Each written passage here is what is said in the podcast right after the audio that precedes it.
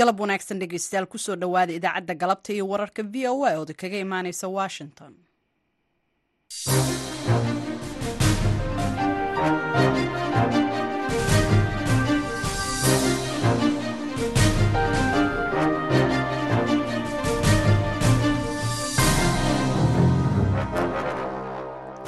waa maalin talaado ah bisha febraayo ee sanadka kana waa waxaad naga dhagaysanaysaan muwjadaha gaagaaban ee mitrban iyo boggeenna v o a somalycom saacadda afrikada bari waa afartii galabnimo. Galabtii wararka v o a waxaa idinla socodsiinaya anigoo ah falastiin axmed iimaan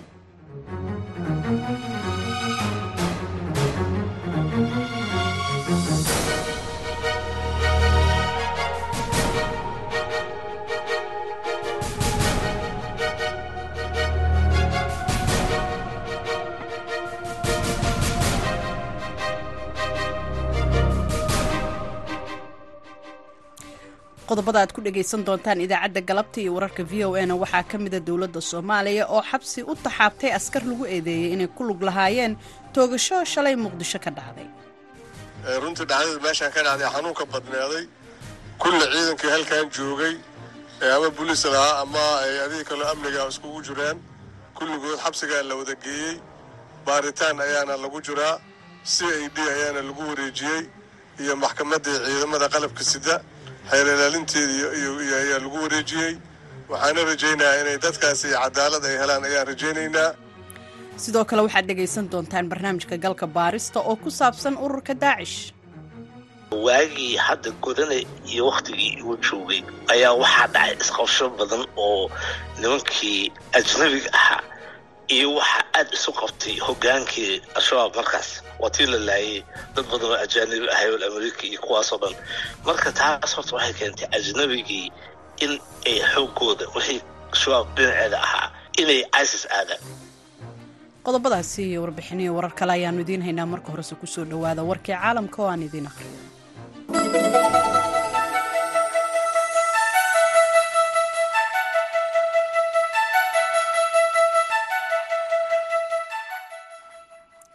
natiijooyinka kumeel gaarka ah ee doorashadii laga muransan yahay ee madaxtinimada nigeria ayaa toddobaadkan muujisay in bola tinubu oo ka soo jeeda xisbiga talada haya uu hogaaminaya tirada codadka sida ay soo tabisay wakaalada wararka ee reuters oo la socota tirinta codadka shan iyo labaatan gobol oo ka mid ah soddon iyo lixda gobol ee dalkaasi.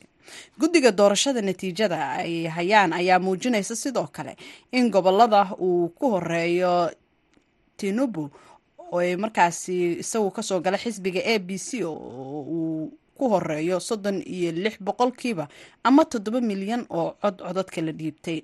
Atiko abubakar oo isna ka socda xisbiga ugu weyn mucaaradka ee b d b ayaa ku soo xiga wuxuuna haystaa soddon boqolkiiba oo ku dhow waa lix milyan oo cod. Peter obi oo isna u tartamaya xisbiga yar ee shaqaalaha wuxuu helay labaatan boqolkiiba ama ku dhowaad afar milyan oo cod. Natiijooyin horle ayaa la filayaa in ay soo baxaan gelinka dambe ee maanta oo talaado ah. Natiijooyinka horudhaca ah ayaa lagu looga dhawaaqayaa gobollada waxaana ku dhawaaqaya saraakiil ka tirsan guddiga doorashada qaran. Waxayna u sii gudbinayaan xarunta ururkan oo ama hay'adan oo codadka iyana ku tirin doonta caasimadda abuuja waxaa jira cabsi iyo walaac laga qabo in hanaankan gaabiska ah uu keeni karo in rabshada ay bilowdaan. Tirada dadka ku dhintay doonidii alwaaxa ka samaysnayd ee siddeed boqolaal tahriibayaal ah oo xaddii ku degta xeebaha talyaaniga waxay gaartay ugu yaraan lixdan iyo afar qof. Hal qof oo meyda ayaa laga soo saaray isniintii shalay sida ay sheegeen wakaaladaha wararka dadka badbaaday ayaa lagu qiyaasay inay u dhexeeyaan boqol iyo konton ilaa iyo laba boqol oo qof kuwaasoo saarnaa doontan oo maalmo ka hor ka soo ambabaxday dalka turkiga. Siddeetan qof ayaa ka badbaaday masiibadan halka saraakiishu ay ka cabsi qabaan in dhimashadu ay gaarto in ka badan boqol qof marka qaar badan oo ka mida muhaajiriintan ayaa waxaa la sheegay inay u kala dhasheen dalalka bakistan iyo afghanistan. Wakaalada wararka ee reuters waxay ku warantay in saddex nin oo u dhashay dalka turkiga iyo laba bakistaan u dhashay ay xireen mas'uuliyiinta talyaaniga kuwaasoo lagu tuhmayo inay tahriibinayeen dadkan. In ka badan boqol iyo shan kun oo tahriibayaal ah ayaa dhanka badda ku gaaray talyaaniga sannadkii labadii kun iyo labaiyo labaatanka kuwaasoo intooda badan ka kala yimid afrika bariga dhexe iyo koonfurta asia talyaaniga waxaa ka uu ka codsaday waddamada kale ee midooda yurub inay kor u qaadaan oo ay qaataan qaar ka mida muhaajiriintan kuwaasi oo intooda badan raadinaya in ay sii joogaan inaanay sii joogin talyaaniga balse ujeedkoodu uu yahay beddelkeeda inay diiradda saaraan inay u safraan meelo kale oo yurub ah si ay shaqo u helaan ama ay ula midoobaan xubnaha qoysaskooda madaxweynaha dalka turkiga rajab tayib erdogan ayaa isniintii dalbaday in laga cafiyo dib u dhacyada samata bixinta xilli uu booqday. Mid ka mida goobaha uu sida daran ugu dhuftay dhulgariirka dalkaasi ka dhacay bishan horaanteedii. Erdogan oo raadinaya muddoxileed kale oo xilka madaxweynaha uu sii hayo. Kadib labaatan sano oo awoodda haya ayaa dhaleeceyn xoogan kala kulmay dadkii ka badbaaday dhulgariirka magaalada adiyamaan ee koonfur bari doorashadii labadii kun iyo sideed iyo tobanka erdogan ayaa si xoogan mucaaradka ugu garaacay gobolkaasi. Saameynta ba'an ee dhulgariirka iyo cimilada xun awgeed ma aanan awoodin ayuu yidhi in aan sidii aanu rabnay aanu uga shaqayno magaalada adiyamaan maalmihii ugu horreeyey raaligelin ayaan ka bixinayaa arrintan ayuu yidhi madaxweyne erdogan. Dhulgariirkii lixdii febraayo turkiga ku dhuftay ayaa waxaa ku dhintay in ka badan afartan iyo afar kun oo qof halka kumanaan kalena ay ku dhinteen dalka deriska laaya syria wakaalada wararka e f b ayaa tobankii febraayo warisay in carada dadka ah adiyamaan ee ku wajahan dowladda ay aada u sarreyso kanada iyo maraykankana waxay sii wadaan dadaaladooda ay ku joojinayaan adeegsiga tigtoga gaar ahaana qalabka dowladda. Aqalka cad ayaa siiyey hay'adaha dowladda maraykanka muddo soddon maalmood ah in ay ku hakiyaan in shabakadan caanka ee tigtoga laga mamnuuco in laga isticmaalo qalabka dowladda.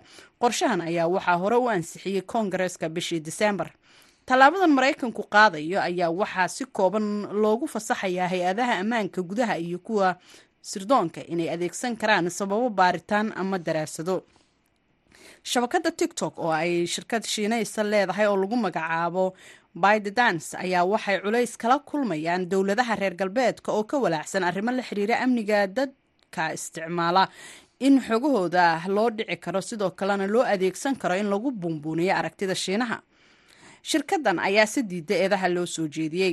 Afhayeenka wasaaradda arrimaha dibadda ee shiinaha ayaa maanta isagoo la hadlayay warfidyeennada waxa uu u sheegay in maraykanku ay sawir qaldan ka bixinayaan amniga qaranka. Waxa loogu yeero ayna si xun u adeegsanayaan awoodooda iyagoo dowladaha kalena culays ku saaraya inay qaataan go'aan la mida midka ay iyagu gaareen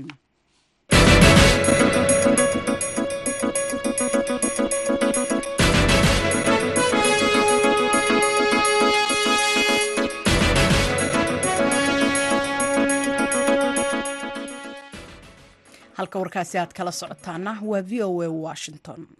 Mas'uuliyiinta gobolka banaadir ayaa sheegay inay xabsiga u taxaabeen askar ku lug lahaa toogasho shalay ka dhacday isgoyska sinai oo ay ku dhinteen ilaa toddoba qof kuwaasoo u badan dad reyd ah.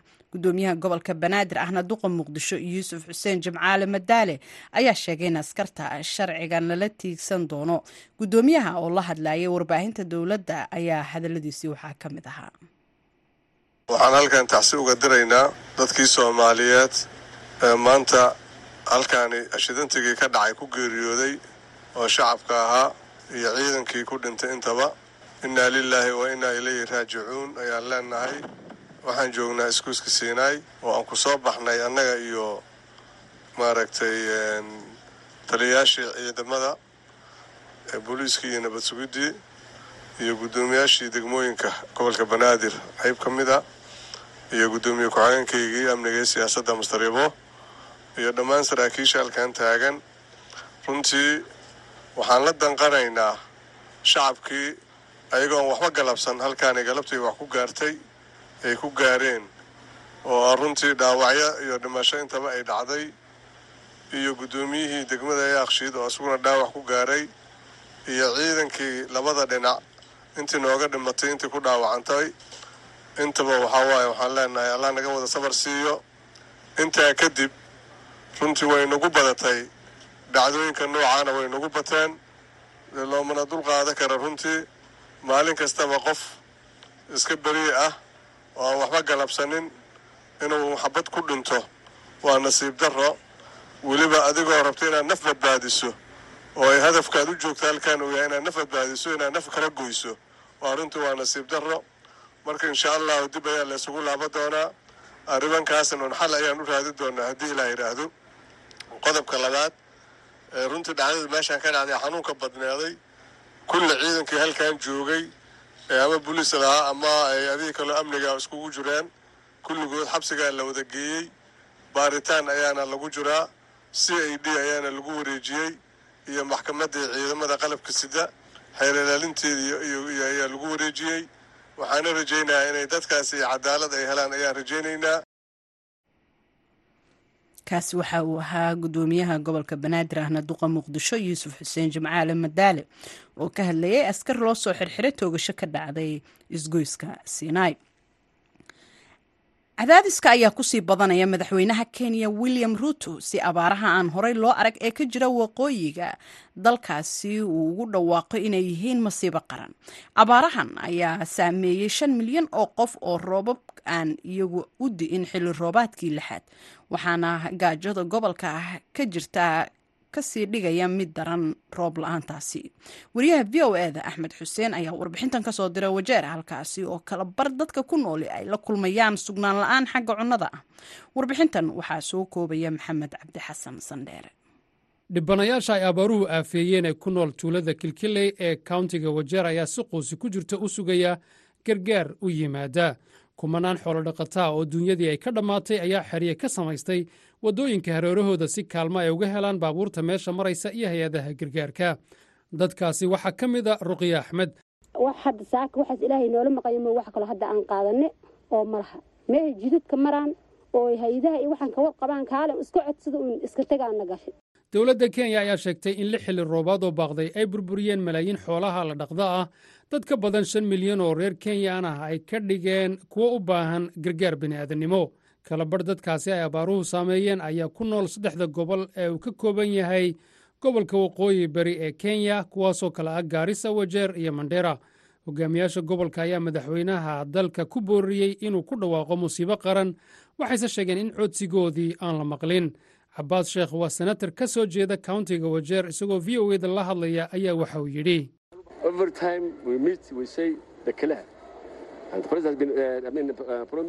mar kastoon madaxweynaha la kulanno waxaan ku nidhaahnaa ku dhawaaq madaxweynuhu wuu ballan qaadayey in muddo ah. Waxaan ilaaya hadda sugaynaa in madaxweynuhu ku dhawaaqo inay abaaruhu yihiin musiibo qaran. Haddii dowladdu ay ku dhawaaqday inay abaartu tahay musiibo qaran hogaamiyaasha gobolka ayaa sheegay in dadku ay heli karaan gargaar dawli ah kaas oo ay aad ugu baahan yihiin. Maxamed caddow waa mudana ka tirsan baarlamaanka kenya kana soo gala koonfurta wajeer waa musiibo. Dadku ma awoodaan inay helaan cunto. Xooluhu waxay u dhimanayaan daraasiin maalin walba. Waxay la tahay waa xilligii dowladdu ay ku dhawaaqi lahayd musiibo qaran. Marka waxaan heli lahayn gargaar ka yimaada dibadda. V o eda ayaa la xirtay madaxa shaqaalaha ee madaxweynaha kenya hase yeeshee. Farrimihii loo reebay kama uusan soo jawaabin. Madaxweyne william ruuto ayaa toddobaadkii hore sheegay in xaaladda abaartu ay tahay mid daran isla markaasna ballan qaaday gargaar dheeriya oo la siiyo goobaha ay waxyeelladu gaadhay.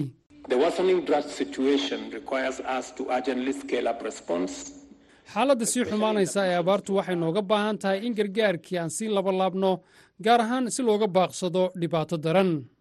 Madaxweyne ruuto ayaa sheegay in dowladdu abaaraha ku bixisay lacag dhan laba boqol iyo konton milyan oo dollar. Dhinaca xeryaha qaxootiga waxaa soo gaadhay waxoogaa kaalmo ah hay'adda laanqayrta cas kenya ayaa cunto qaybisay hase yeeshee dhowr qoys oo keliya ayay cuntadaasi gaartay. Dhinaca kale dhibanayaasha sida ruqye axmed wax badan ma hayaan marka laga reebo rajada ah in raashin gargaar ahi u dhowaan soo gaadhi doono. Warbixintii wariyaha v o eda axmed xasan uu wajeer nooga soo diray maxamed cabdi xasan sandheere ayaa soo koobaya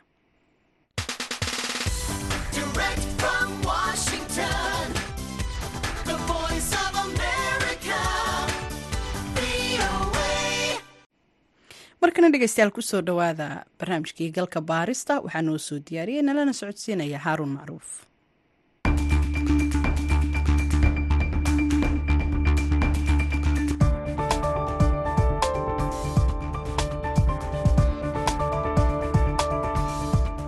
dilkii dhowaan loo geystay mid ka mid ah ragga ugu sarreeyey uguna khibradda badnaa mintidiinta ajaanibta ah ee soo galay soomaaliya ayaa mar kale indhaha caalamka iyo kuwa saraakiisha amniga ee soomaaliya ku soo jeediyey faraca ururka daacish ee soomaaliya. Bilaal al suudaani oo magaciisa dhabta ahaa yahay suhayl saalim waxaa lagu dilay howlgal ay qorshaysay fulisana dowladda maraykanka bishii hore ee janaayo lix iyo labaatankeedii dowladda maraykanku waxay bilaal al suudaani ku tilmaantay inuu ahaa xubin muhiim ah oo ka mid ah shabakadda daacish ee caalamka iyo inuu isku xiro iyo fududeeyo maaliyadda u ahaa faracyada daacish ee soomaaliya mozambique democratic republic of congo iyo xataa garabka daacish khorasaan ee dalka afghanistan. Dalka soomaaliya waxay uga sugan yihiin buuraleyda calmiskaad ee bariga puntland inkastoo deegaankaasi yahay mid ku noolaanshihiisa aanu sahlanayn haddana waxa uu noqday goob ay gabaad ka dhigtaan iskuna difaacaan ilaa haatan. Buuraleydaasi waxay degeen maalmo kadib markii koox yar oo uu hogaaminayo sheekh cabdulqaadir muumin oo ka tirsanaa saraakiisha dacwada al-shabaab ay go-een.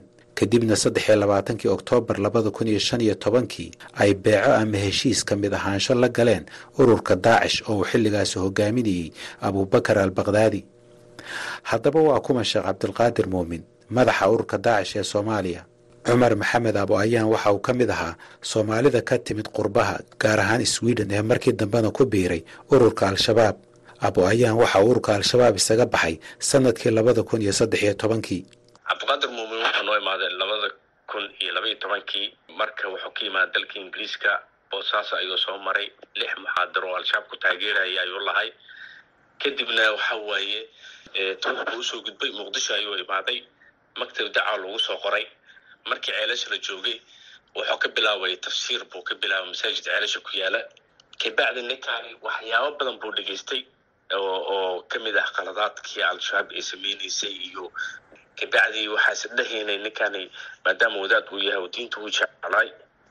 Markuu arko qaladaadkani ama wuu iskaga tegayaa ama wuu saxayaa waxaa loo bedelay marka buuraha goles baa loo bedelay.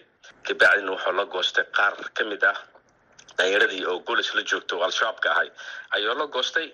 Markaasna wuxuu ku biiray maxay ahayd ururka daacish markaasuu beecadooda siiyey maamul goboleedka puntland waxa uu tan iyo markii ururkaasi buuraladaasi uu fadhiisanka ka samaystay ay qaadayeen howlgallo milatari oo ujeedadoodu ahayd in la wiiqo ururka daacish inkastoo puntland aysan weli u suurtogelin inay soo afjaraan daacish haddana waxay ku koobeen dhul baaxaddiisu yar tahay. Axmed maxamuud yuusuf waa guddoomiyaha degmada ballidhidhin ee gobolka bari oo safka hore kaga jirta deegaanada kulaala fariisimada daacish waxaa qiyaasi karaa laba kun iyo shan iyo toban ilaa lix iyo toban ayay soo degeen. Intii ka dambeysana way iskaga xoogaysanayeen waana joogeen. Dagaalo badanna waa lala galay. Dagaalkiina waxa weye de waa waa ku socdaayo waa dagaalki waa lagula jiraa. Markaad qiyaasto tirada ugu yar ay noqon karaan waa imisa? Tirada ugu badan ay noqon karaan waa imisa? Wallahi hadda maalintay soo galeen waxaa lagu waxaa la yidhaahdaa labaatan wax ka hooseeya bay ahaayeen. Tirada ugu badan oo la sheegona saddex boqol waa la sheegaa laakiin tirada rasmiga ah laba boqol waa la sheegaa saddex boqol. Waxyaaba noocaas waa dareemi kadhaa laakiin markay soo galeen labaatan iyo wixii lamida inay ahaayeen haddana qiyaas ahaan laba boqol saddex boqol la yidhaahdo dadka markaa qiimeyn lagu samayn karo.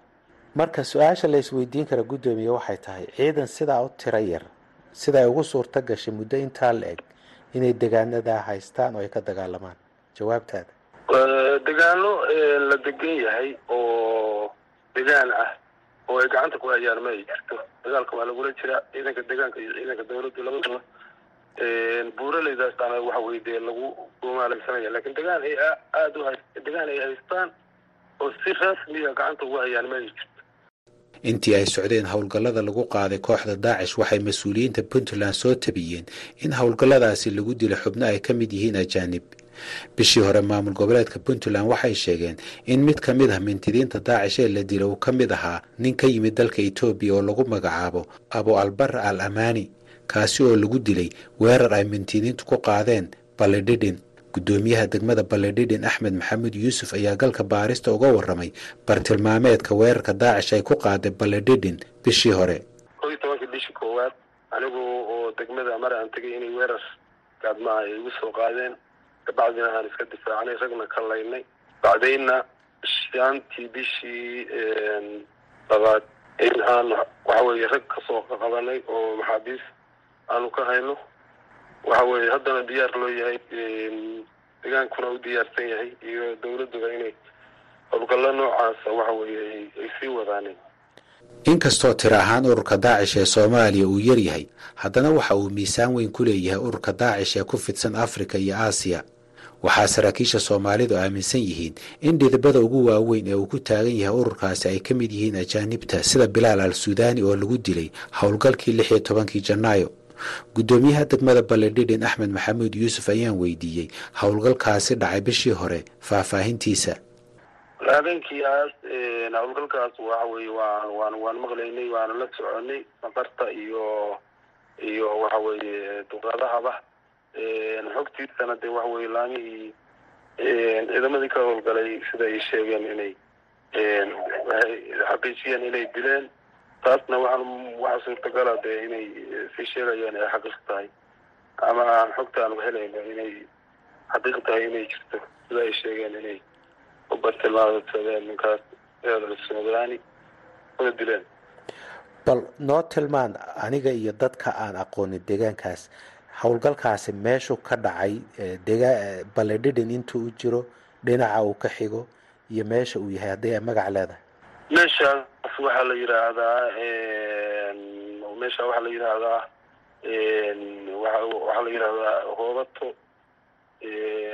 wuxuu u jiraa degmada baldhidin soddon kilomitr xuduudda degmada isku shuban iyo degmada baldhidin buu buu udhexayaa haddaba kumuu ahaa bilaal al suudaani bilaal al suudaani kuma cusbayn soomaaliya waxa uu ka mid ahaa ajaanibtii ku soo qulqushay soomaaliya kadib markii ay koonfurta iyo bartamaha inteeda badan la wareegeen maxaakiimtii islaamiga ahayd sannadkii labada kun iyo lixdii.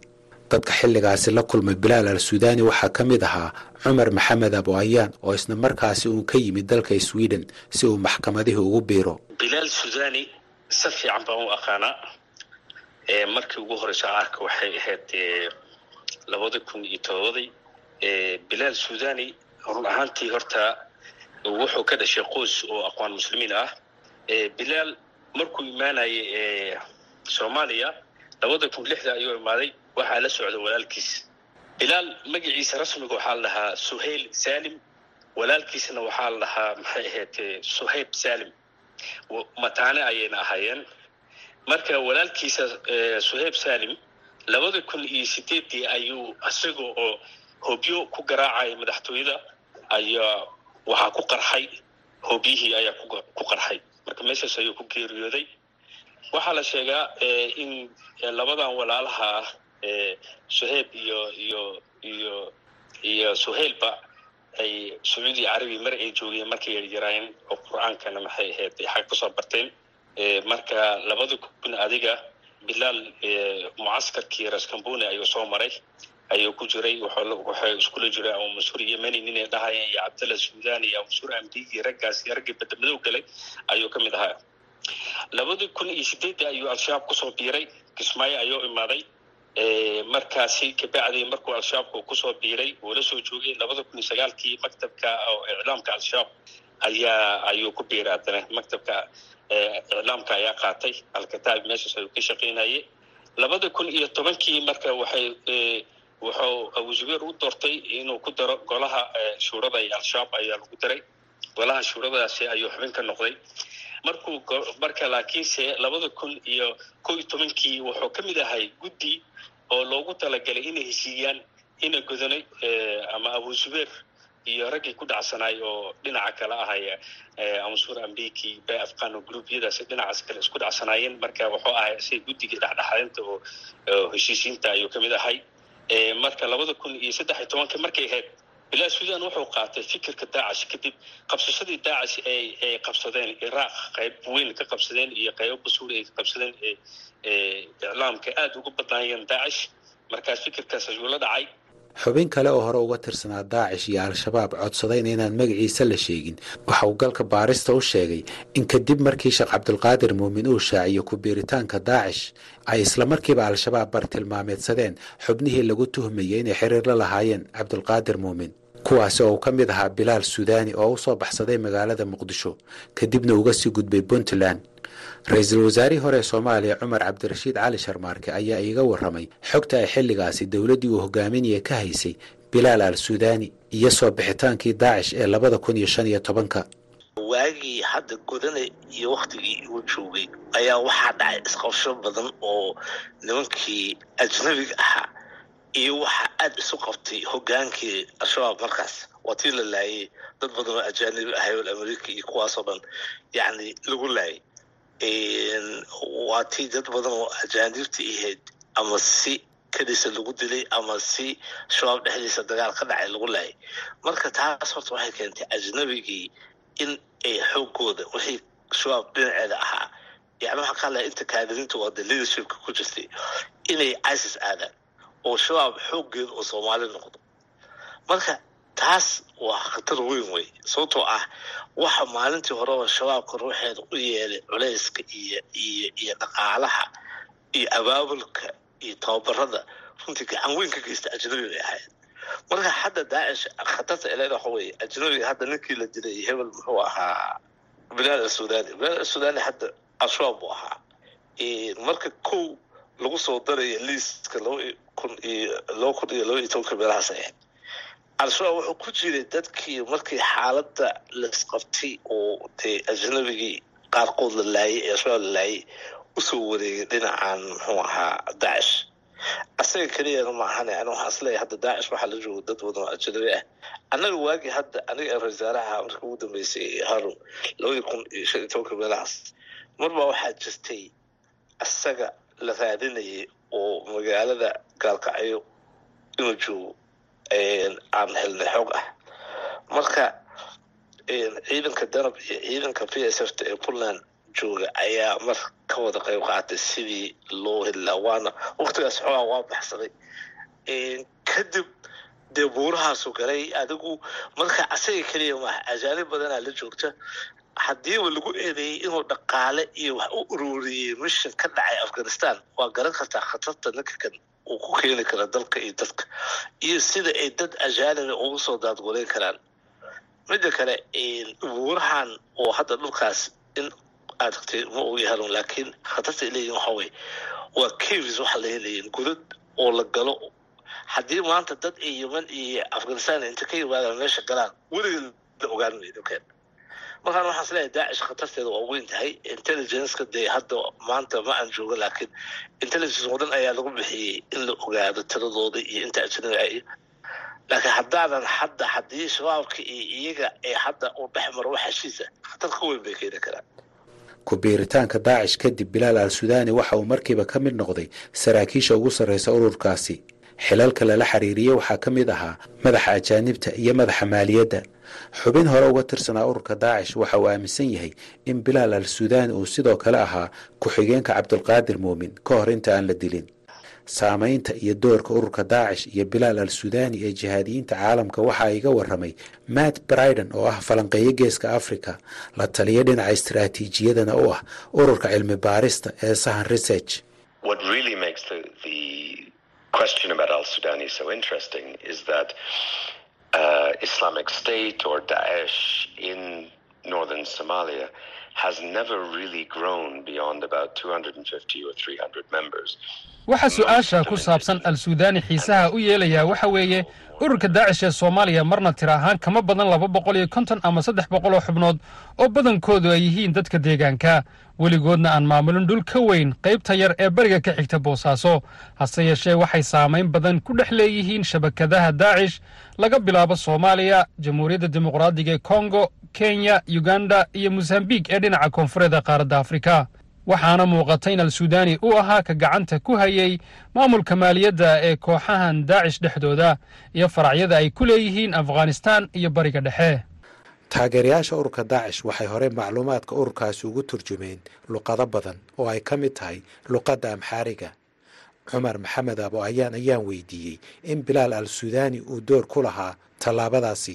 Asaga waa iclaamka oo oo daacish buu ka shaqaynayay waa ninka fikirka wuxuu lahaa in daacish ay bilowdo in dacwadooda ama kaleto robagandadooda ay ku wajahnaato dalka etoobiya marka ugu horeyso. Waxay sameeyeen filmaad ayuu soo saaray oo asaga madaxa ka dambeeya uu ahay afka ku baxaya ethoobiyaanka ama af amxaariga oo ayuu ku baxayay marka waxaa arkaysaa maadaama iclaamka oo daacish uu asaga madax ka ahaa iclaamka daacishna waxay bilaabeen in luqadda amxaariga xataa uu ku baxo. Marka waxaa arkaysaa ninkaasi inuu door weyn uu ka ciyaarayay sidii u gaari lahayd fikirka oo daacish ethoobiyaanka maadaama luqadooda lagu akrinayo nashiidooyina luqadda ethoobiyaanku baxay ee sameeyeen. Waad arki kartaa inuu door weyn ka ciyaar sannadihii labada kun iyo sagaaliyo tobankii iyo labada kun iyo labaatankiina dowladda etoobiya waxay sheegtay inay xubno ka tirsan ururka daacish iyo al-shabaab ay ku qabatay howlgallo ay ka samaysay meelo ka mid ah waddankaasi oo ay ku jirto caasimadda adis ababa. Xilligan waxaa la sheegayaa in ururka daacish ee soomaaliya ay ku soo biireen tiro xooggan oo ka timid dalka etoobiya guddoomiyaha degmada balledhidhin axmed maxamuud yuusuf ayaa iiga warramay xogta ay hayaan dadka deegaanku way jirtaa taasu kuwo ka midana waxa weeye kuwii aan weeraradii hore iyo dagaalkii ay soo qaadeen ku laynay baa ka mid ahaa. Xubna etoobiya ka soo jeeda oo weliba sarsare inay yihiin. Taastaa ku caddaynaysa. Madax iyo waxa weeye ciidanba inay ka joogaan etoobiya intee bay leegyihiin tiro ahaan dadka etoobiyaanka ee la jooga? Wallahi qiyaas ahaan dee xogtooda maadaama aadan xogta guud aanay sahlanayn in cayaar si rasmiya loo helo in ay waxa meesha jooga ama u kala qaybsan yihiin baa laga yaabaa inay bar noqon karaan boqol kiiba konton ilaa boqol kiiba lixdan meelaha. Marka waxaad leedahay ciidamada daacish ee boorta ku jira kala badh waa etoobiyaan waa ciidan badan. Waxaa la aaminsan yahay in al-shabaab iyo daacish labaduba ay in muddo ah quudaraynayeen inay isku fidiyaan etoobiya ugu yaraanna ay dad ka qortaan matt briden oo ka mid ah khubarada amniga ee geeska africa waxa uu qabaa in tartan u dhexeeyo al-shabaab iyo daacish ku jeeda dhexgalka etoobiya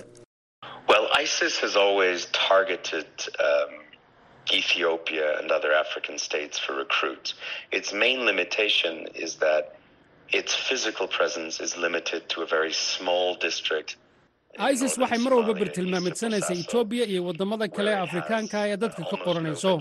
Waxa ugu weyn ee xadidayaa waxa weeye in goobta ay joogaan ay ku kooban tahay bariga boosaaso.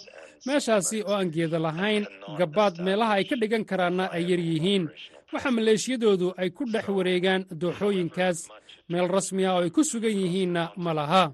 Sidaa darteed si kastoo isugu dayaan inay qaaradda dad ka qortaan ma laha fadhi rasmi ah oo adag oo awooddooda ku sii shidaal qaadato.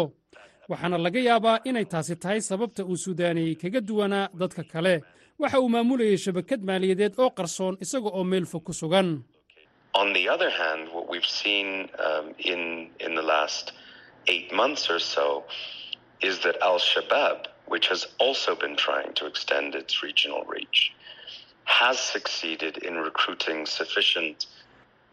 dhinaca kale waxaan aragnay waxa weeye siddeeddii bilood iyo dheeraadkii la soo dhaafay in al-shabaab ay isku dayeysay inay baahiso faafitaankeeda gobolka waxayna ku guulaysatay inay maleeshiya badan ka qorato etoobiya iyo kenya iyo weliba waddamo kale. Waxayna gulufkii ugu horreeyey ku qaaday etoobiya julaay sannadkii laba kun iyo labaiyo labaatankii waxaana muuqata in boqolaal dagaalamayaal ah ay gudaha geliyeen. laga yaabee in in ka badan kun dagaalamo ay koonfurta bariya etoobiya u dusiyeen ayna diyaarinayaan inay mar kale arrintaasi sameeyaan. Sidaas darteed waxaa jira suurtagalnimo inuu socdo tartan u dhexeeya isis iyo al-shabaab oo ah inay dad ka qortaan etoobiya kadibna ay dib ugu celiyaan si ay uga howlgalaan. Marka la joogo koonfur bari etoobiya waxay labada kooxoodba howlgalla ka fulin karaan soomaaliya iyo kenya ama ilaa iyo gudaha etoobiya haatanse waxay u muuqataa in al-shabaab ay ka horrayso isis marka ay noqoto dhismaha awooddaas dowladda soomaaliya waxay bilihii la soo dhaafay waday. Dagaallo ka dhan ah ururka al-shabaab dagaaladaasi oo ay ku qabsatay dhul ballaaran kuna xirtay akawntna lala xiriirinayo ururka al-shabaab. Mas'uuliyiinta puntland waxay sheegeen inay u diyaarsan yihiin dagaalka daacish ra'iisul wasaarihii hore ee soomaaliya cumar cabdirashiid cali sharmaarke ayaan weydiiyey isagana waxa ay wada qaban karaan dowladda federaalka iyo maamul goboleedka puntland marka ay noqoto ka hortega faafitaanka awoodda daacish dadkaan surprise bay nagu samayn doonaan maalin haddii aanan hadda xoog la saarin oo aan si fiican loo dabagelin maxaa la qaban karaa maamulka puntland iyo dowladda federaalkuba maamulka puntland dowladda federaalkana waa inay iska kaashadaan oo runtii meelaha horta dalka dhibka ugu weyn waxa weeye. Oo hadda yacni xoogaa mooday inuu soo roonaanayo waa intelligenceka. Maogtahay nimankan lala dagaalamaya ama daacish al-shabaab waxaadan waa organization hal intelligence leh mar dalka soomaaliyeed sideedaba ma awoodi karo inuu yeesho intelligences kala duwan iskana qabtaan dadkan intelligenceka waa in si coordinated uu dalka u noqdaa intelligencekiisa puntland hirshabelle galmudug waxaas iyo intelligenceka federaalka waa inuu jiraa wada shaqeyn iyo runtii information islaafsiin xoog leh si dadka kale runtii loo xakamay ama loo wartaga puntland iyo dowladda federaalka iyo ku meel kastaba dadkan waxay ku yihiin khatar iyo tred barnaamijkii galka baaristuna waa naga intaas. Inta aynu ku kulmi doonno barnaamijkan oo kale waa haaruun macruuf oo idin leh nabadgelyo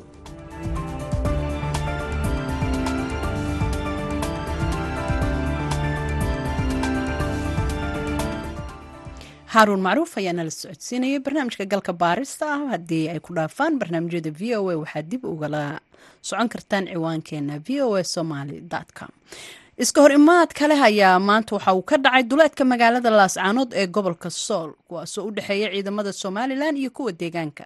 Labada dhinac ayaa mid walbaahi uu ku eedeeyay kan kale inuu dagaalka bilaabay. Warbixintan waxaa magaalada laascaanood nooga soo diray waryaheena cabdikariim olol dagaal culus ayaa saaka ka dhacay dhanka waqooyi ee magaalada laascanood iyo waddada laamiga ee aada dhanka waqooyi dagaalkan ayaa waxaa u dhexeeya ciidamada s c ee khaatumaya kuwa somalilan dadka goobjoogayaasha waxaa ka mid a dagaalka v o a uga warramay aadan jaamac oo ka mid a dadka deegaanka waxa uuna ka warramayaa xaaladda dagaalkii saaka intaan anigu arkay dhaawac iyo dhimashiba way jirtay labada dhinacba.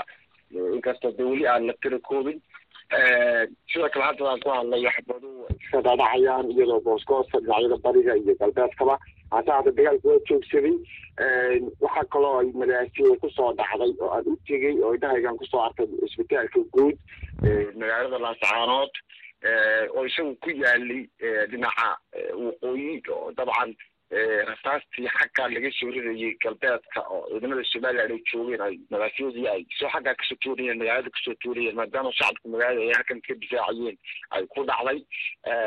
Marka dagaalkuna hadda waa joogsaday. Furimihii hore ayaana lakala joogaa. Ciidanka somalilandna awoodiisa hadda waxay ku sugan tahay goosa cadde dhinaca galbeedka ilaa inta hargiga iyo garoonka waxa weeyaan diyaaradda golyaadhe waxaa jooga ciidamada deegaanka iyo xarunta agoomaha intooda badan. Sidoo kale afhayeenka deegaanada sool sanaag iyo cayn ee guddida deegaanka ayaa isaguna ka hadlay dagaalkaasi caqil cabdirasaaq maxamed xasan falaalug ka aroortii salaada subax kabacdi lixdii iyo dhowr iyo toban daqiiqo markay tahay sidii iyagaaba awalba caadada u ahayd. Waxay weerar ka soo bilaabeen dhinaca waqooyi iyo dhinaca galbeed labadaba waxay ku teerigaraynayeen inay magaalada ku qabsadaan oo damacoodu mar kasta uu yahay magaalada qabsada. Umay suurto gelin ilaahay fadligiis waana laga celiyey. Dhibaato weynna way geysteen iyana waa loo geystay. Cabdikariin nolol v o a magaalada laascanood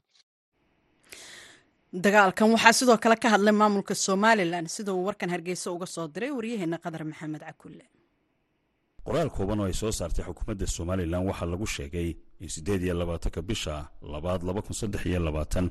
Fadhiisimada ciidamada somalilan ee galbeedka magaalada laascanood ay soo weerareen kooxa nabaddiid iyo argagixiso ah sida lagu sheegay qoraalkaasi oo ku sugan magaalada laascanood qoraalka oo sii socda ayaa waxaa sidoo kale lagu sheegay ciidamada somalilan oo ka duulaya inay isdifaacaan ay dhirbaaxo kulul ku dhufteen kooxaha huwanta ah ayna ku soo biireen taliyaal ciidan oo ka yimi magaalada muqdisho ayaa lagu yidhi qoraalka. Ciidamada somalilan waxay diyaar u yihiin inay shacabkooda ka difaacaan kooxaha argagixisada ah ee gabaadka ka dhiganaya dadka shacabka ah kooxahan oo isaga kala yimi meelo kala duwan sida lagu sheegay qoraalka. Geesta kale qoraal ka soo baxay wasaaradda gaashaandhigga somalilan ayaa waxaa lagu beeniyey inay somalilan bartilmaameedsanayso xarumaha bulshada sida cusbitaalada iyo iskuullada waxaana shacabka somalilan iyo beesha caalamkaba u caddaynaynaabaa lagu yidhi inaanay ciidamada somalilan marnaba birtilmaameedsanin xarumaha bulshada sida cusbitaalada iyo dugsiyada wararka been abuurka ee lagu faafinayo baraha bulshada ayaa ah kuwa la doonaya in lagu waxyeeleeyo sumcadda ciidanka militariga somalilan sida lagu sheegay qoraalka ka soo baxay wasaaradda gaashaandhigga khadar maxamed cakulle v o a.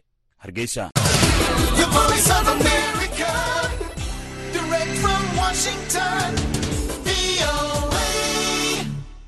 Galab wanaagsan dhegeystayaal meel walba aad naga dhegeysanaysaan markana ku soo dhawaada barnaamijkii umuuraha maraykanka maxamed cabdi xasan sandheere ayaa noo soo diyaariyey nalana socodsiinaya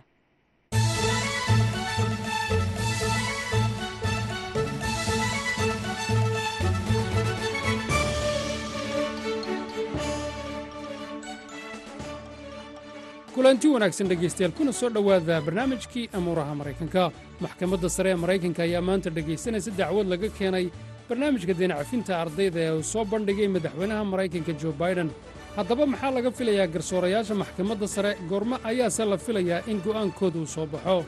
Intaynaan su'aalahaasi jawaabtooda u gelin bal aynu horta eegno tirada guud ee ardayda maraykanka ee deenta waxbarasho lagu leeyahay iyo wadarta lacagta lagu leeyahay waa kan maxamed sheekh xuseen oo arrimaha maraykanka aqoon u leh kuna sugan gobolka virginia ee dalka maraykanka. Maxamed waa mahadsan tahay. Qiyaastii ardada dayntan qabto waxaa waaye ilaa afartan iyo shan milyan. Lacagta lagu leeyahay guud ahaan dadka student loanka qaba ardada oo daynta qabto waa one point seven trillion. Waa lacag aada u badan. Averageka markaad fiiriso qofkii qiyaastii wuxuu qabaa afartan iyo shantaas milyan oo qof oo lacagta waxbarashada qabto qofkii qiyaastii waxaa waaye soddon iyo sideed kun oo dollar marka lacagta guud ahaan ku maqan afartan iyo shantan milyan oo qof waa one point seven trillion. laakiin one point seven trillion ma ahan waxa uu madaxweyne biden raba inuu masaawaxo waa afar boqol oo bilyan afar boqol oo bilyan naf ahaanteeda waa lacag aada u badan laakiin waa lacag yar markaad barbar dhigto one point seven trillion waan gartay. Waad xustay in madaxweynuhu uu yahay qofka doonayay in deyntan la maarata qaarkeed ama qayb ahaan la joojiyo. Sidii qorshaha madaxweynuhu ku soo bilaabmay qorshahan deyn cafintu maxamed markaan dib ugu laabano taariikhda madaxweynaha markii tartanka madaxtinimada uu ku jiray labadii kun iyo labaatankii ayuu cambaynka waxyaalihii ku ballan qaaday. Ay ka mid ahayd in haddii madaxtinimada uu ku guuleysto deyn cafinta ardada calaa arda laga tuuri doono toban kun oo dollar. Marka waa waxyaalihii cambaynka ku soo galay. Marka maadaama cambaynka ku soo galay wuxuu damcay inuu ka dhabeeyo hadalkiisii cambaynka uu ku soo galay. Marka sannadkii hadda la soo dhaafay labadii kun iyo labaatan iyo labadii bishii august ayuu wuxuu soo saaray executive order oo macnaha la leeyahay ardada waxaa laga tuuri doonaa calaa qof.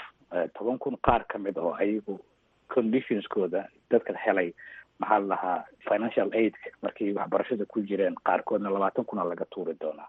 Marka lacagtaas markaad isu geyso afartan iyo shantan milyan oo qof ah lacagta ilaa uu madaxweynaha rabay inuu mastaago waa afar boqol oo bilyan.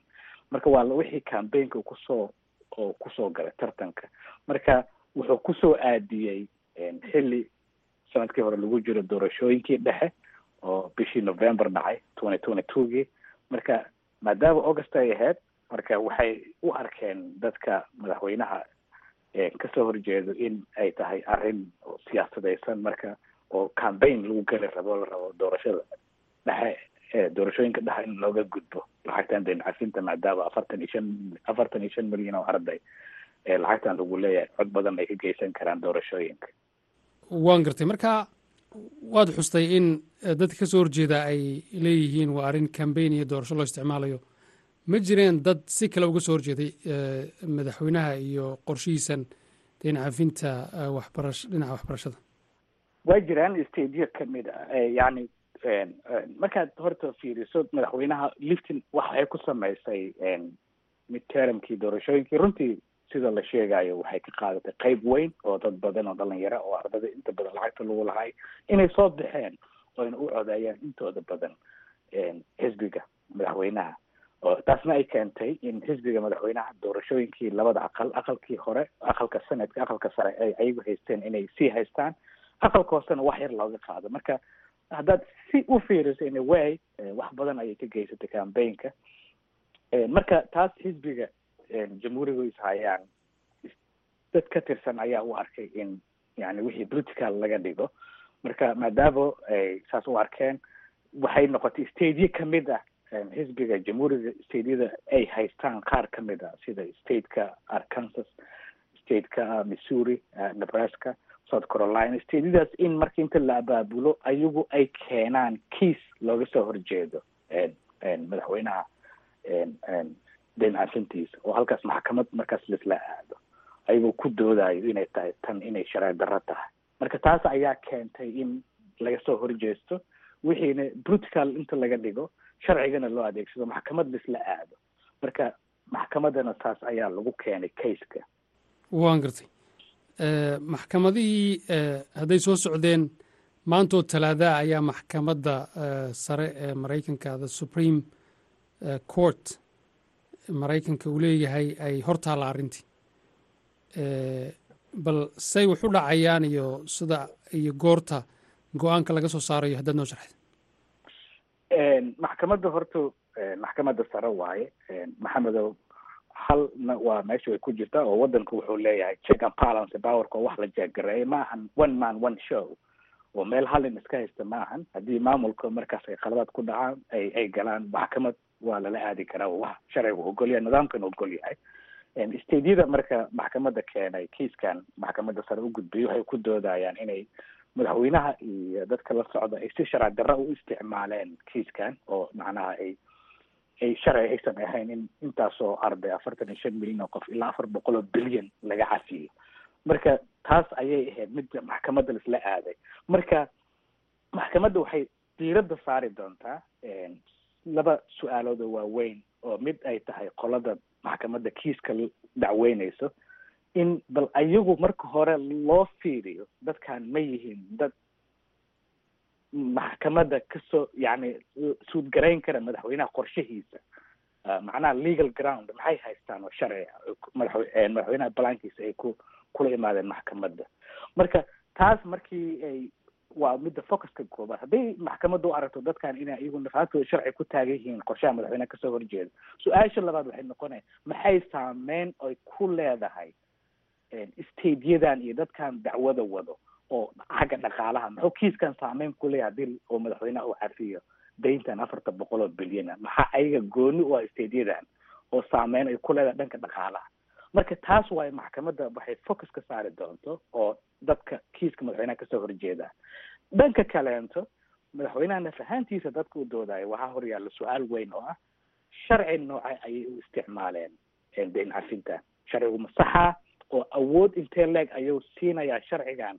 Madaxweynaha tiimkiisa waxay isticmaaleen sharci labadii kun iyo saddexdii la baasgareeyey oo ah haddii wadanka uu galo xaalad emergency in secretary of education wasiirka waxbarashada uu masaabixi karo yacni ardada oo ka masaabixi karo lacag. Laakiin lacagta intay dhan tahay sharcigu ma qeexin. Runtii taas way midda oo maxkamadda ayada nafaanteeda ay diiradda saari doonto dhanka madaxweynaha dadka u doodayo kiiskiisa oo ah awood ma u leeyihiin in lacagtan afartan boqol oo bilyan ah ay masaabaxaan. Sharcigu awood intee leeg ayaa siinaya marka su'aalahaas waa su'aasha ay maxkamadda focus ka saari doonto oo diiradda ay saari doonto. Kadib markay maxkamadda kiiska ay dhegaysato waxaa dhici doona inay iyadu markaas go'aan ka qaadan doonto. Go'aankaas oo la rajeynayo inuu soo baxo qiyaastii june dhamaadkeeda normal sida qiyaasta laba bilood ilaa saddex bilood ayay maxkamadda kiiska ay rogrogi doontaa intayna go'aan ka qaadan markay go'aan qaadatana waxay soo saari doontaa. Ugu dambeyn june dhamaadkeeda intaan la aadin fasaxa samarka oo ay maxkamadda fasax samarka aadin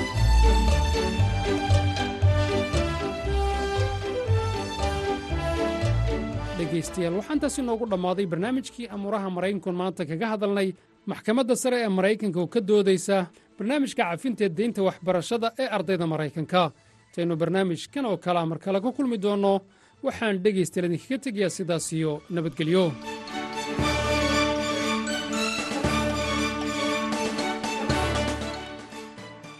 Markana dhegaystayaal ku soo dhowaada xubinta dooda gaaban. Qadar maxamuud xareed ayaa nairobi nooga soo diray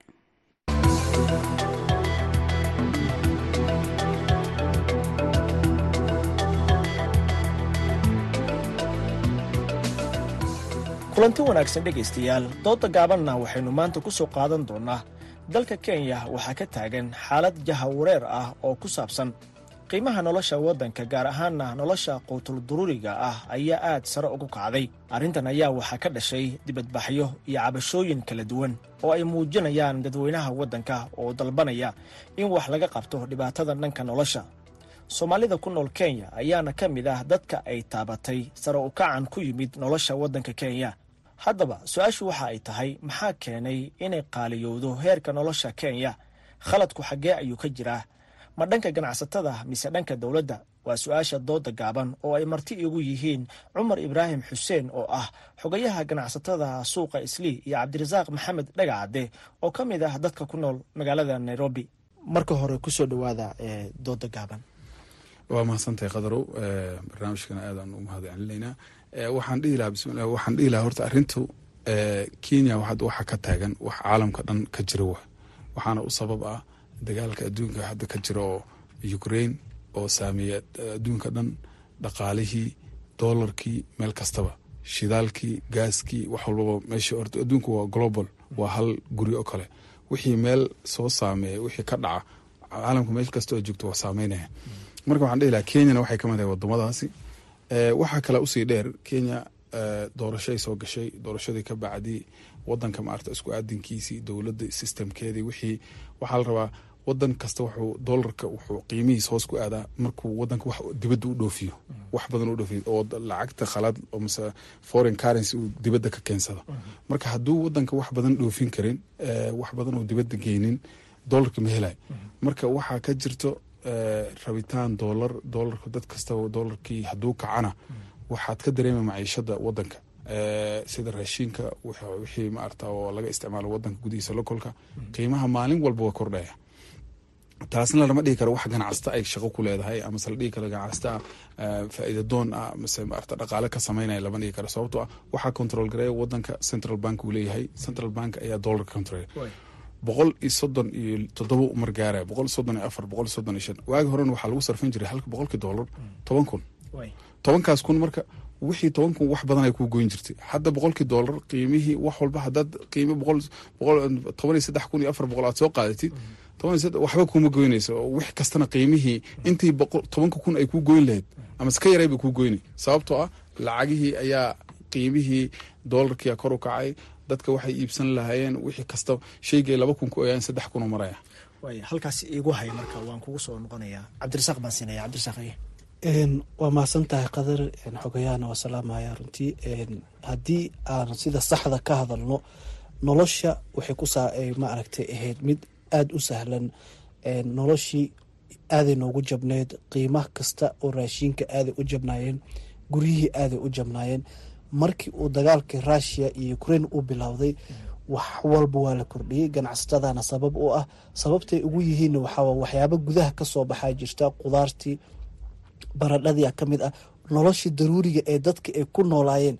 Yaa qof inta wax ku gadanayo oo maaragtay jawaankii gadayo yaa wuxuu leeyahay dagaalka rushia iyo ukraine yuu ku xiraya marka wax walba waxay u kordhinayaan ayagoon qiimihii ka fiirsanaynin ayagoon u turaynin bulshada qeybaheeda kala duwan hadda magaalada nairobi waa lagu noolaan layahay waxaa arkaysaa guryihii la deganaa oo ma aragtay hore loo dhisay oo quruxdooda ala yaabayso la degan yahay oo dadka deganaa yaa lagu kordhinaya. Marka lama dhihi karo dagaalka rushia iyo ukraine ayaa saameeyey.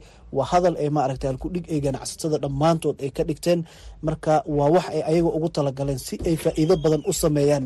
Faa'iidooyin fara badan si ay u sameeyaan ayayna u sameynayaan. Arrintan marka ma ahan waa wax ay abuurayaan ganacsatada dowladdana qeyb ayay ka tahay horta walaalkey waa fikradiisi waa qadarinaya fikradiisa laakiin waxaan dhihi karaa horta waxaan meesha ka jira qofka ganacsatada waxyaalaha lokolka sida baradhada wax walba quduldareeriga wax loo baahan yahay. Waxaa laga keenaa warshadaha ku yaalla wadankan warshadahaas raw material mas waxyaalaha wax ku sameeyaan dibadahay kala imaadaan. Mar walba waxay isticmaalaan doolar doolarkay inta ka saraftaan ayay dibadda u diraan. Hadduu doolarka kaco qasab inay alaabaha qiimaha wax ku kordhiyaan. Tusaale ahaan guryaha hadda la dhisaya berihii qiimihii saddex bilood afar bilood ka hor lagu gadanayo hadda dhabalkooda wey sababtoo ah shaygii aad kun iyo laba boqol siisan jirta hadda wuxuu maraya laba kun iyo shan boqol laba kun iyo lix boqol. Shilinkiiba shilina lagu daray sababta doolarka waa. Wax walbana maciishada waa isku xiran tahay haddii doolarkaas kaco maciishada wax walba tusaale ahaan ganacsatada soomaalida waxay dibadda ka keentaa timirta maarata raashinka bariiska waxyaalaha doolara lagu iibsadaa. Doolarka marka heerka waxaa gaaray waa wax duniyada dhan ka jira. Iyo wadankan khaasa. Wadankana waa wax caadi ka jira wey. Marka waxyaalahaas marka haddii wadanka saameynta adduunka ka timid ay ganacsatada soomaalida ay saameysay. Dadkan la qabnaa ma ahane wax ganacsatada inay maarata wixii dadka ku qaaleeyaan ku qiimaha ku daraan oo ay ka faa'iidaystaan fursad uga dhigtaan ukraine baa dagaal ka jira ma aha. Ani taas ma aaminsani. Waxaan aaminsanahay dadka dhammaanta ganacsatada waxayba aaminsan yihiin markuu doolarka rakhiis ahaa oo maciishada ay fiicneed inay wax ka badana iibin jireen hadda waxay iibiyaan. Cumarow ganacsatada markaan ka hadlayno waa ganacsatada guud ee wadanka kenya. Marka bulshooyinkii dhan oo wadanka ayaa cabanaya dhibaatadan ka cabanaya. Bulshooyinka dhan waa cabanayaan waa ogahay waad ogtahay mudaharado iyo xataa inay ka dhadhaceen wadanka gudihiisa. Noloshii waa wax wadanka dhan saameynaya marka waxaan dhihi karaa doolarkaas oo kacay nolosha wadanka dhan waa dad qof kasta waa saameynaysa soomaalidana dadkaasay ka mid yihiin wixii wadanka ka jira ayay qeyb ka yihiin. Maxa lama dhihi karo waa wax maarata dadka ay uga dhigtaan ukraine iyo sabab uga dhigtaan oo inay maarata ku faa'iidaan ama faa'iido ku raadiyaan. Annagoo ganacsada waxaan aaminsannahay markuu doolar rakhiis ahaa in ganacsigu sidaan ka fiicnaa oo dadka waxaa la yidhahdaa purchasing power awoodda wax iibsiga inay intaan ka fiicnayd. Qofka wuxuu iibsan jiray hadda ma iibsan karo. Marka qofkii aad laba juwaan ka iibin jirtay hadda ma iibsan karo hal juwaan uu iibsanaa. Ganacsiga faa'iid ahaan uguma jirto dan in maarata doolarkan uu kaco marka annaga haddaan ma leenahay faa'iido ma helnaba cabdirasaaq eh, hadalka cumar soo loo qaateen ma aha. Mar haddii eh, arrintu ay arrin global tahay oo caalami ay tahay dhibaatada adduunka oo dhan ay saamaysay. Dhibaatada waxay ka jirtaa waxyaabihii gudaha ahaa ee dadka isticmaalayeen ee nolol maalmeedkii ahaa ee maaragtay bulshada si qaas si hoose u taabanaya ayay ganacsatadii qaaliyeynayaan waxay oga imaadeen waxay maaragtay ay kaga keeneen banaanka wax ka badana isticmaalayaan. Marka ma lahan eh, maaragtay mar walbana ganacsatada laguma yaqaano uturniin ee u turaan maaragtay bulshada qeybaheeda kala duwan. Magaalada nairobi waa lagu noolaan layahay sababtoo ah wax walba cirkay tageen. Qof biil loo soo diraayo oo dibadda wax looga soo diraayo ma ogi qofkii kale ee xoogsanaya ee annaga maaragtay dadka dhexdhexaadka iska ahaa ee noloshooda daily maaragtay daily lifekooda maalinkaa soo saaranaya way ku adkaanaysa inay magaalada kusi ku sii noolaadaan. Ninka gurigiisa dhisan yahay ee toban sano ama shan sano ka hor dhisay ee kirada kordhinaya ee meel kasta leeyahay maaragtay doolarkii ayaa kacay ee dadka ku jaangoynaya ma ahan qofkaasoo kale inuu saameeyo dowladda waxaa la rabay naftirkeeda inay dadka waxyaabaha ay maaragta ku kabi jirteen muhiimka ahaa saliidoo kale waa la kabi jiray waxyaabihii muhiimka oo dhan la kabi jiray meeshay ka baxeen. Marka ganacsatada haddii loo siiyo freedom inay wax walba sida ay rabaan ay ayaga u maamushaan magaaladan laguma sii noolaan doono. Gobol kasta iyo meel kastana oo wadanka kiya ahna way taabanaysaa culayskan ma ahan wax oo maaragta annaga nagu kooban. Waa bulshadoo idil waa arkeyna darata in baarlamaanka loo diiday waddooyinka soo galaya inay ka baxaan baarlamaankii oo meesha uu buuq ka dhacay. Dadka waxay ka cabanayaan wax walba way qaaliyo. Korontadiiya qaali noqotay oo dadkii maaragta guryihii xitaa waa la daaran laya iyadoo xili kulaylo ah lagu jiro. Bishii rabadaankiina ay nagu soo wajahan tahay. Maciishadii aad ayaa maaragta noo taabatay maaragtay qaaligeeda cumarow cabdirasaaq walaalkii wuxuu ka dhawaajay guri shan sano hore la dhisay. Sax waay. Gurigan waxaa loo kordhinaya kirida maciishada hadday kordhto tusaale ahaan afartan kun guri aad ku jirtay afar boqol oo dollar u ahaa. Hadda afar boqol oo dollar ku jaangooy wixii maanta ay joogto. Qasab qofkii inuu maarata doolarkii dadka soomaalida badana waxay isticmaalaan xisaab xir ku samaystaan dollar wey marka doolarkaas wixii waagaas ahaa ayay ku salaynayaan ninkan afar boqol oo dollar gurigiis ka heli jiray. Haddana afartii boqol waa inuu ka helaa. Afartii boqol marka waxay maanta waxay joogtaa afartan kun ma joogto. Waxay joogtaa konton iyo laba kun ay joogtaa. Marka afartan iyo shan haddii laga dhigo waaba weliba intii laga rabay laguma darinoo wax yaraa waxbaa lagu daray waxna waa laga reebay aad iyo aad bay u mahadsan yihiin. Kuwaasi waxa ay kala ahaayeen cumar ibraahim xuseen oo ah xogayaha guddiga ganacsatada suuqa islii iyo cabdirasaaq maxamed dhagacade oo ka mid ah dadka ku nool magaalada nairobi doodii gaabnayd intaas ayaan ku soo gabagabeynayaa. Tan iyo kulan dambe nabadgelyo